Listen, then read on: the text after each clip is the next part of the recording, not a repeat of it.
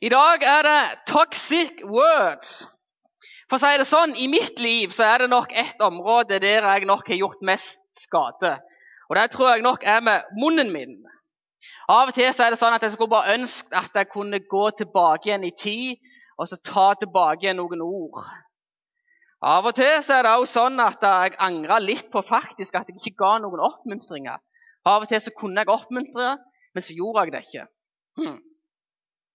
Av og til har jeg sagt noen dumme ting, av og til har jeg lært på den harde måten. Jeg har nevnt det før for noen. Den ene gangen så spurte jeg om jeg var gravid. I veldig god entusiasme, så var flere folk der. Det var hun dessverre ikke. En annen gang så hadde vi sånn en humor eller med kompisene at hvis de så trøtte ut, så, sa, trøtte ut, så sier vi sånn som dette her. Hei, du, du ser ut som et dass. Jeg kom til Kristiansand fra Jæren og fikk noen venninner og prøvde samme greiene der. Du ser ut som et dass. Gjorde jeg aldri igjen. Jeg har til og med prøvd meg på den. Skal du gå med det? Nei, jeg heller aldri igjen. Av og til er det kanskje en spøk eller ikke en spøk. Men, eh, eller en, det skal være en spøk, men så går han gale. I ordspråkene 1821 så står det noe sånn som dette her. Eller det står Tungen, tunga vår, har makt over død og liv og den som gjerne bruker den, får smake dens frukt. Tunga, kiss-tunga Altså eh, eh. Musikkbandet Kiss Jeg er ikke så lang, jeg skal vise den. Eh, sier Bibelen veldig mye om, og En av de tingene sier at den har makt over liv og død. Og den som bruker den, skal faktisk få lov å smake dens frukt. Den har makt over liv og død. Jeg ser noe, Bruker du den, så kan du snakke folk til live. Bruker du den feil, så kan du faktisk snakke folk til døde, sier Skriften eh, mye om, faktisk. Vi må se en liten sånn definisjon, siden at jeg er i en by, og noen av dere jobber med noen studerer. Og Da har jeg vært på den fantastiske kilden som heter Wikipedia. Den har noen sannhetens ord til oss, men den er ikke så dum. Giften er en substans som i en viss konsistens er skadelig eller dødelig for det levende organismer. Det skjer ved at en forstyrrer, stopper eller ødelegger mulighetene til å utføre en livsviktig prosess i organismen. Den er dødelig, han er forstyrrende, og han er ødeleggende. Hm. I Bibels perspektiv så sier de mye om død og liv. En av de tingene som de sier, det er at en av definisjonene til synd, det er mange, nå skal jeg bare ta den ene, så sier de faktisk at synd Når noen synder, så er det i grunnen for at du dreper. Så synd er i grunnen å drepe eller ødelegge. Og da er det som regel det gode som Gud har skapt. Og da er det så enten meg sjøl eller andre. Du kan også gjøre det overfor Gud. Du ødelegger noe av det gode som Gud har skapt. Så da dreper du. Hm. Den lille muskelen bak tennene som vi kaller for tunga, han er imellom tennene, kanskje. Den lille muskelen der den kan faktisk redde et vennskap hvis du bruker den rett. Han kan redde et ekteskap hvis du bruker den rett. Han kan redde et liv hvis du bruker den rett. Han kan gi mot, han kan gi håp. Han kan hjelpe mennesket til å ikke gi opp. Hm.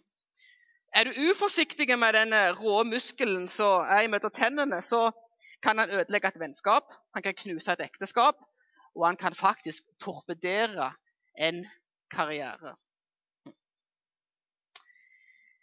Og kanskje en av de minste musklene som vi har, eller iallfall en ganske liten han sikkert ikke den minste, men en ganske liten muskel iallfall. Hvordan kan det ha seg at den er så for å si det på godt jærsk, grævla eller veldig vanskelig å håndtere? Hm. Jeg tipper at jeg er nok ikke alene om å kjenne meg igjen at den er vanskelig å håndtere. Jeg tror det er flere som kjenner seg igjen i 'Å, det skulle jeg aldri ha sagt'. Og kunne jeg bare gi tilbake igjen en liten halvtime, så skulle jeg ha rydda opp igjen det som jeg gjorde. Min gode venn Jakob han er en av forfatterne i Nytestamentet. Han skriver hvor vanskelig det er å styre tunga. Så han sier at ofte så snubler vi, ofte så gjør vi feil. Og vi klarer faktisk ikke styre den delen av kroppen. Han er faktisk litt negativ når han sier noe om dette her. Så bruker han en del bildespråk. Et av bildespråkene er dette her. Det er at en hest En stor hest kan mennesket sitte oppå. Ah, så har de et bissel mellom tennene, heter det på fint. Og så kan du styre hesten ut ifra det. Jeg har aldri opplevd det, for jeg rir bare på stuter, okser, ikke på hester. Men eh, de sier det, de som gjør det, at du kan faktisk styre en stor hest ut ifra munnen. Videre så han, snakker han noe mer om eh, hvordan det er å styre ting. og Da sier han at et lite ro på et skip kan styre et ekstremt stort hangarskip. Et stort atomdrevet hangarskip blir styrt med et lite ror, sier de. Jeg tipper gjerne det har propeller å styre på, men eh, båter ble styrt, ekstremt store, ble styrt med et ror. Hm. Han sier også at mennesket har lært seg til å temme ville dyr, kryp, fugler, fiske, hva som helst. Er mennesket faktisk i stand til å temme, sier han men ikke tunga. Så vi kan styre en hest ut ifra munnen. Et, et, eh, vi kan stå og styre et skip med roret. Vi kan temme ville dyr, men vi klarer faktisk ikke temme tunga, sier han noe om. Jakob sier i eh, 3.5.: Slik er det også med tungen. Det er en liten kroppsdel, og den kan, uh, den kan skryte av sin store makt. Ja, en liten ild kan sette den største skog i brann. Så han sier det at når du bruker tunga, så er det nesten så du bare tenner på noe, og så vet du nesten ikke skadeomfanget. For Av og til er det sånn at hvis du tenner på noe, så kan det gå helt gale. Sånn er det med tunga hvis du bruker den av og til, sier Jakob. Så kan det, brenne, kan det brenne opp ting, og det kan brenne lenge, og det kan gå langt over styr. Så Jakob han er faktisk litt pessimist når han skriver om tunga. I vers 8, 8 sier han faktisk at tunga er full av dødsbringende gift. Han sier faktisk at tunga er full av eh, dødsbringende gift. Videre så sier Salomo noe sånn at tankeløse taler, tale er faktisk som å bli stukken av et sverd, sier han. Så på den ene sida kan vi jo si det sånn at ord er nesten som noen giftige piler.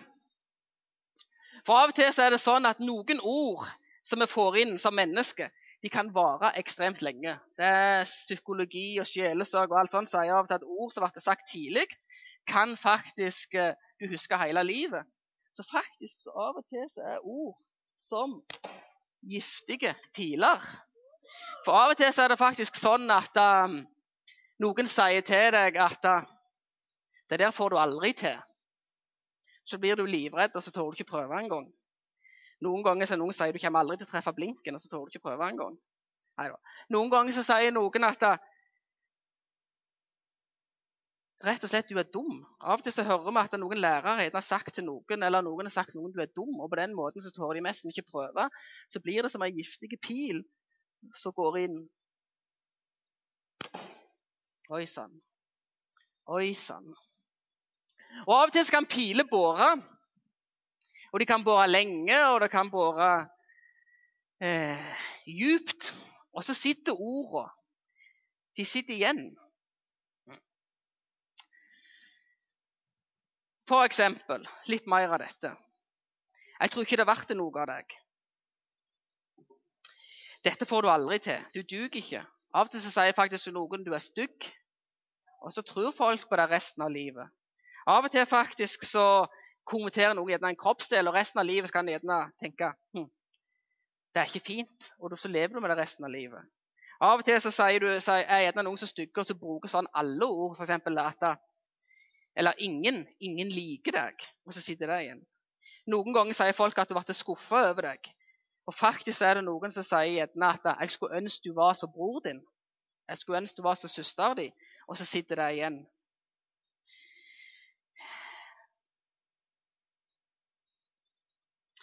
Jeg leste i en ufattelig god kilde som heter KK. Og De sier noe sånn som dette at ni av ti kvinner har opplevd å få dårlig selvtillit det, nei, av en venninne. Hm. Så hva som skjer av og til når vi får noen giftige ord som gjerne går på det som du har lyst til å gjøre, eller har lyst til å prøve, eller framtida, eller utseendet, eller den du er som person du er, og så går det videre. Jeg tror faktisk av og til så gjør det sånn at det er så brennende at det skaper død over det området. Sånn som det er arbeid eller skole, så kan det faktisk skape død over det. Er det utseende, så kan du faktisk skape død over din eh, eh selvtillit på det. Så det er faktisk av og til sånn at vi, vi faktisk ikke tårer å ta utfordringer. Og av og til så kan vi miste frimodighet av toxic words, ord. Så hvordan skal vi da styre den der eh, lille muskelen eller tunga vår? Eh, jeg har jo prøvd og øvd meg og temt litt på denne, herren, så nå skal jeg ha tre tips til dere. En av de første tingene er stopp i hodet. Nei, Av og til så kan du si i hodet ditt 'stopp'. Det er meg jeg gjør mange ganger. Av og til må jeg helst bare bite meg i tunga, så må jeg holde igjen, og så må jeg trykke på pause. Og så må jeg faktisk tenke. Det er nummer to. For jeg har et personlighetstrekk som de kaller for e- ekstrovert i psykologien. En ekstrovert, en ty, Noe av det som kjennetegner den, er at du snakker, så tenker du. Mens noen andre de tenker, så snakker du. Av og til så misunner jeg de som faktisk tenker før de snakker. Og siden jeg ikke gjør det, så har jeg faktisk måttet øvd meg på å si stopp og trykke på pause og faktisk prøve å tenke gjennom hva jeg egentlig har sagt. Hm. Eller hva jeg skal si. Er det virkelig nødvendig, må jeg spørre da? Er det til hjelp? Trenger jeg virkelig å si dette? må jeg av og til tenke. Eller kan det være lurt å vente litt og holde igjen? Eller faktisk kanskje omformulere? Så den første er i grunnen eh, Leveregelen er i grunnen stopp. Nummer to er tenk.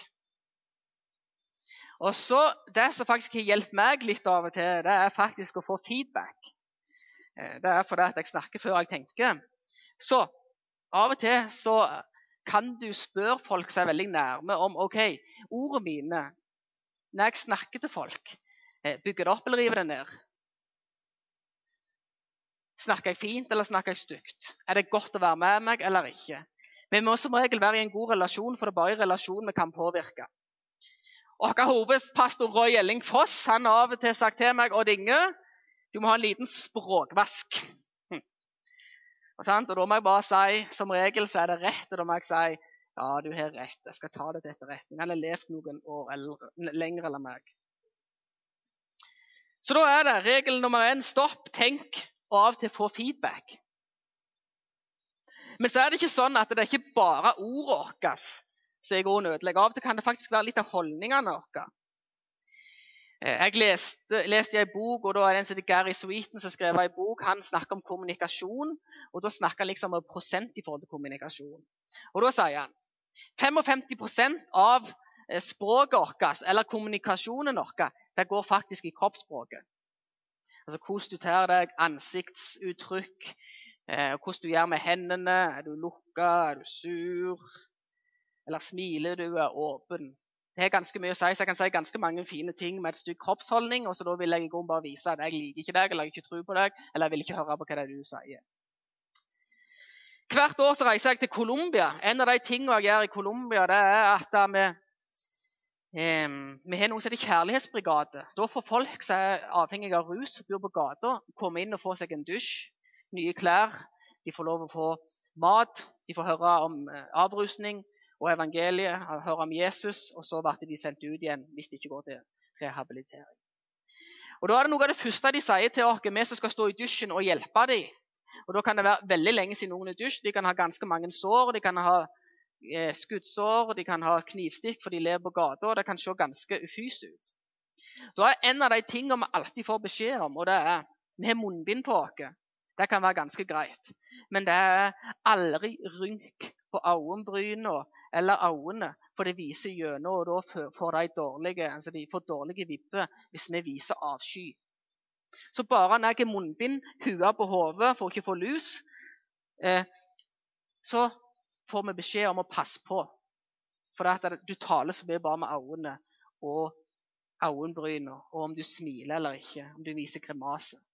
Så det er noe med at ikke bare ordene kan være giftige, men av og til kan holdningene være giftige. Videre så sier de fem, nei, sier 55 er kroppsspråk fem, og ansiktsuttrykk og disse tingene. 38% ligger faktisk i stemmen min. Det går an å si 'jeg liker deg', eller 'jeg synes, setter veldig pris på deg', eller du er, du er, ikke så verst', eller 'jeg liker deg'. Jeg liker deg. Det er noe med hvordan du sier en ting. Det er ganske mye å si, sier de. Så det går an å si noe som skal, et fint ord, men med en dårlig stemmebruk så er det faktisk giftig. Og så sier han faktisk at bare 7% av kommunikasjonen din er de faktiske ordene. Resten er nonverbalt. Så enda mer. Hvordan skal vi deale med dette? Jeg gitt tre tips. Men jeg vil snakke om to ting til. og det er Vær oppmerksom på hvordan du snakker til deg sjøl. For av og til så tror jeg vi kan være giftige mot dere sjøl. Så etterpå skal jeg snakke litt om vær oppmerksom hvordan du snakker til andre. Men først nå skal jeg si noe om vær oppmerksom hvordan du snakker til deg sjøl. For ikke så lenge siden gikk det en sang på radioen. Og den gikk sånn som dette her. Styggen på ryggen er en av mine nærmeste. Han sitter på skuldra og sier jeg kommer ingen vei her i livet, jeg kommer ingen vei her i livet, jeg kommer ingen vei her i livet, sier han. Og Så tror jeg det er litt sånn sant da, at da styggen på ryggen sitter og sier du kommer ingen vei. Hvis vi ser musikkvideoen til styggen på ryggen, så ser vi det en som går og mobber han og plager han og irriterer han. For På en eller annen grunn så tror jeg at vi mennesker av og til er de som er styggest med oss sjøl. Vi er sjølmobbere. Så styggen på ryggen sier du kom ingen vei her i livet. Og Av og til tror jeg at vi kan være veldig giftige mot dere sjøl med måten vi snakker til dere. Det var en annen sang som eh, var for eh, fem-seks år siden, som var veldig populær. Den heter sånn 'Jeg bygger bygger opp, men du river river ned'. Noen som kaller den. Og den sangen er, hun sier faktisk at hun synger det til seg sjøl. At det er noe inni hun, noe som bygger den opp, men så er det også noe som river den ned. Og Jeg tror det er ganske sånn gjenkjennelig for oss mennesker. at Av og til så er vi vår største fiende. Av og til så er vi vår største mobber. Og av og til så snakker vi oss sjøl ned. Hm. Akkurat de tingene der har jeg trent meg litt på, det òg. Og da har jeg fått noe sånn, noen ting som jeg sier for, Når de to tingene kommer opp i hodet mitt, så sier jeg bare sånn Har andre fått det til, så skal søren meg òg få det til. Og har jeg fått til andre ting i mitt liv, så lenge jeg har klart å få en utdannelse før, kommer jeg gjennom militær og en del sånne ting, så skal jeg søren meg klare det òg. Så min uh, greie på når jeg begynner sånn med meg sjøl og snakker ned meg sjøl, så tenker jeg sånn Har jeg klart det, så skal jeg klare det. Og har andre klart det, så skal filme meg òg, jeg òg klarer. Det har blitt min, min måte å deale på deale med styggen på ryggen. Vær også oppmerksom på hvordan du snakker til andre. Det er noe jeg vil si i forhold til giftige ord. Eh, jeg jobber med en del unge mennesker. Og hvert eneste år så snakker jeg med folk som har blitt mobba. Og det er alltid litt interessant. For av og til hvis folk har blitt veldig mye mobba, så merker jeg det at det, det går på frimodigheten, det går på selvtilliten, og så ser jeg at det kan trenge ufattelig lenge på å kunne bli helbreda igjen. Så jeg tror det at av og til når vi har fått giftige ord f.eks. om mobbing, så blir vi skada i et fellesskap. Men jeg tror òg at det er den plassen som blir skada, blir bygd opp. Så jeg tror hvis vi blir revet ned i et fellesskap, hvis vi kommer i et godt fellesskap da, så er det en plass vi faktisk kan bygge oss opp. Efeserbrevet 4,29. Efeserbrevet 4,29. Efeserbrevet 4,29 så står det Bare ett til. Eh, så står det La ikke et eneste råttent ord komme over leppene. Bare si det som er godt, og det som bygger opp. Eh, det er det det trengs. Så, okay. så det kan bli til velsignelse for den som hører på. Jeg skal ta den en gang til. La ikke et eneste råttent ord komme over leppene. Si bare det som er godt, og si det som bygger opp det det trengs. Så det kan bli til velsignelse for den som hører på. Vi, lærte i begynnelsen at uh, tunga har makt over liv og død. Og her snakker det om snakk liv, ikke snakk død i folk. Snakk sånn at du bygger dem opp, men ikke river dem ned. Jeg er så gammel at jeg husker OL i 1994. på, i Lillehammer. Oh, jeg har noen Lillehammere her, hører jeg. I tillegg så husker jeg faktisk VM for ikke så lenge siden, i Oslo. Og Det som er liksom interessant med norsk ski, det er dette. At på hjemmebane så ser det ut som at Norge får ekstremt med gull. Eller de vinner vanvittig mye. Og det tror jeg nok har en sammenheng med Kollenbrølet. Jeg tror jeg kan ha en sammenheng med Kollenbruset. Jeg tror det kan ha en sammenheng med den eh, Kollen-effekten, eller Lillehammer-effekten. Bjødlene, bjøllene, ringeklokkene, the bells. Med ropa, med heiinga. Jeg tror faktisk det har en effekt.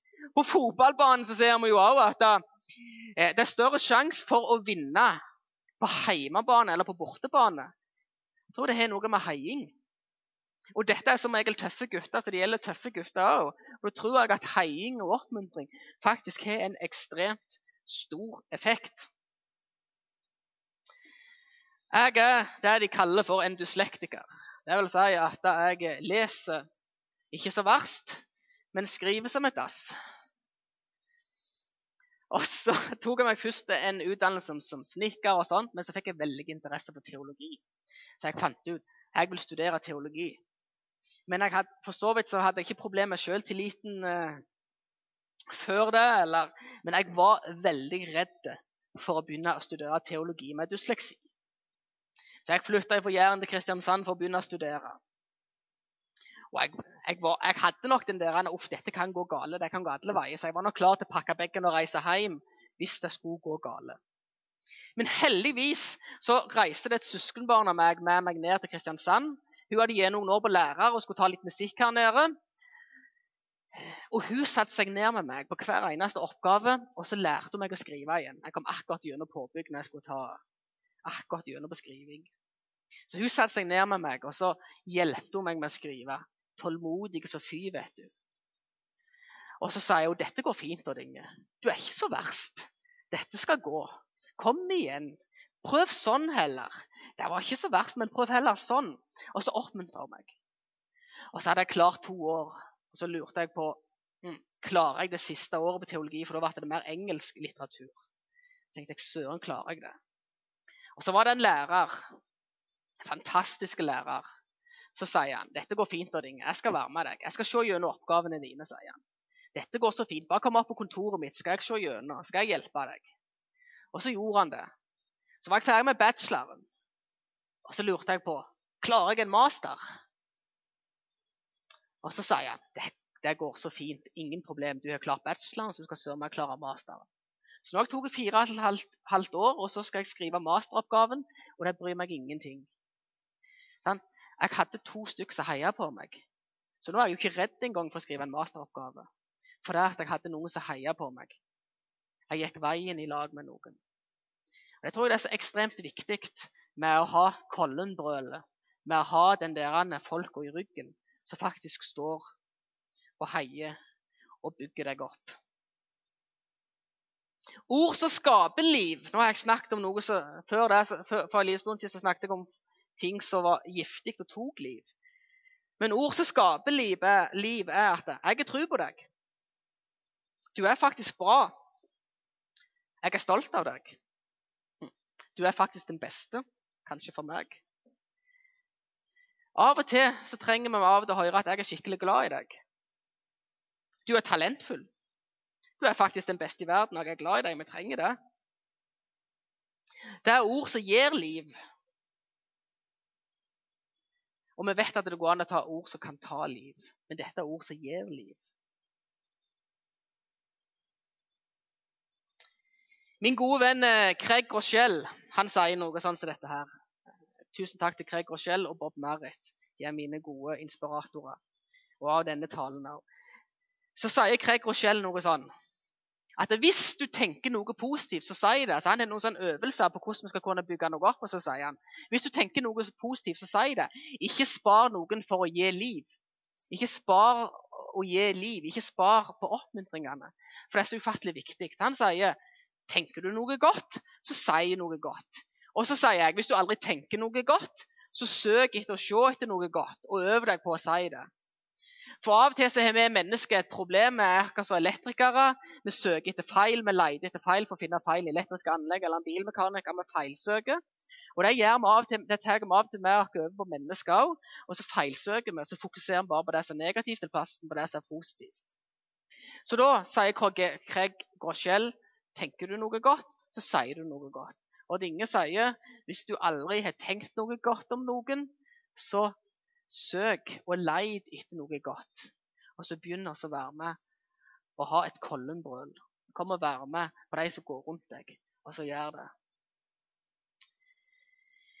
I, um, i Romane 12, 10, og det er i 1930-utgaven, så det er liksom lenge siden den var skrevet, da hadde de noen andre ord enn hva som står i dag. Og da sier de Vi må kappes om å hedre hverandre, sier de.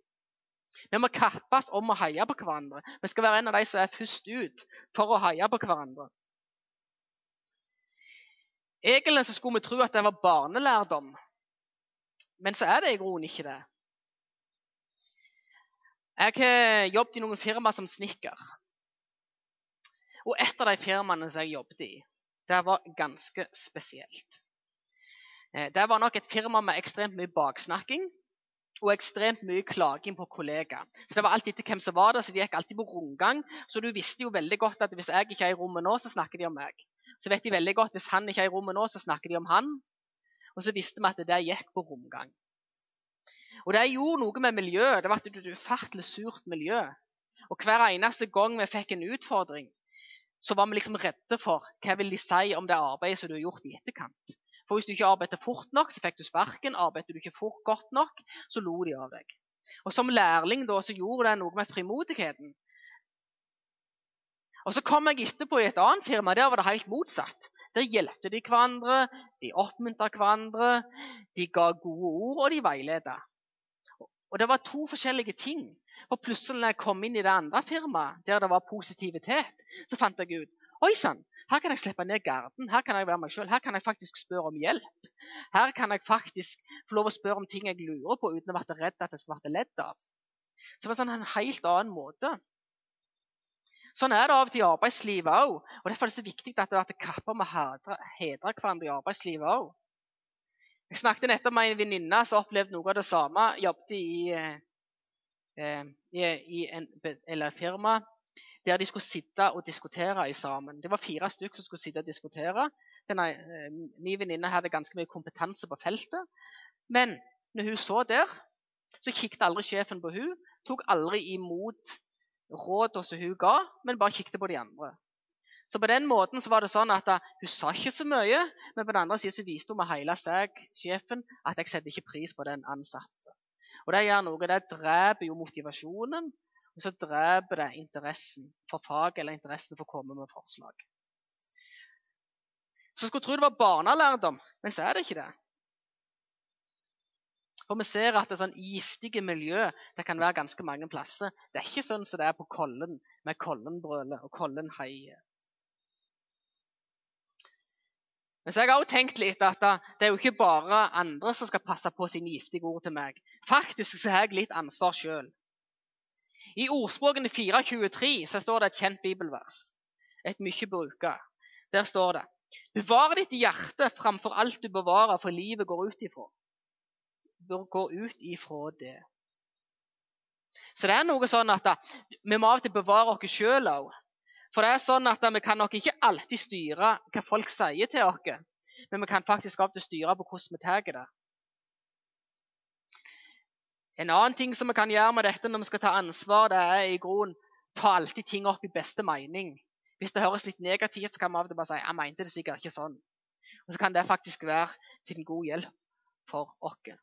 Men vi kan faktisk ikke styre hva folk sier, men vi kan faktisk styre hvordan vi tar det. Så da er det faktisk mulig å begynne å prøve å skifte litt tankesett her òg, sånn at vi verner oss om giftige ting. Så det faktisk ikke bryter oss ned, men bygger oss opp.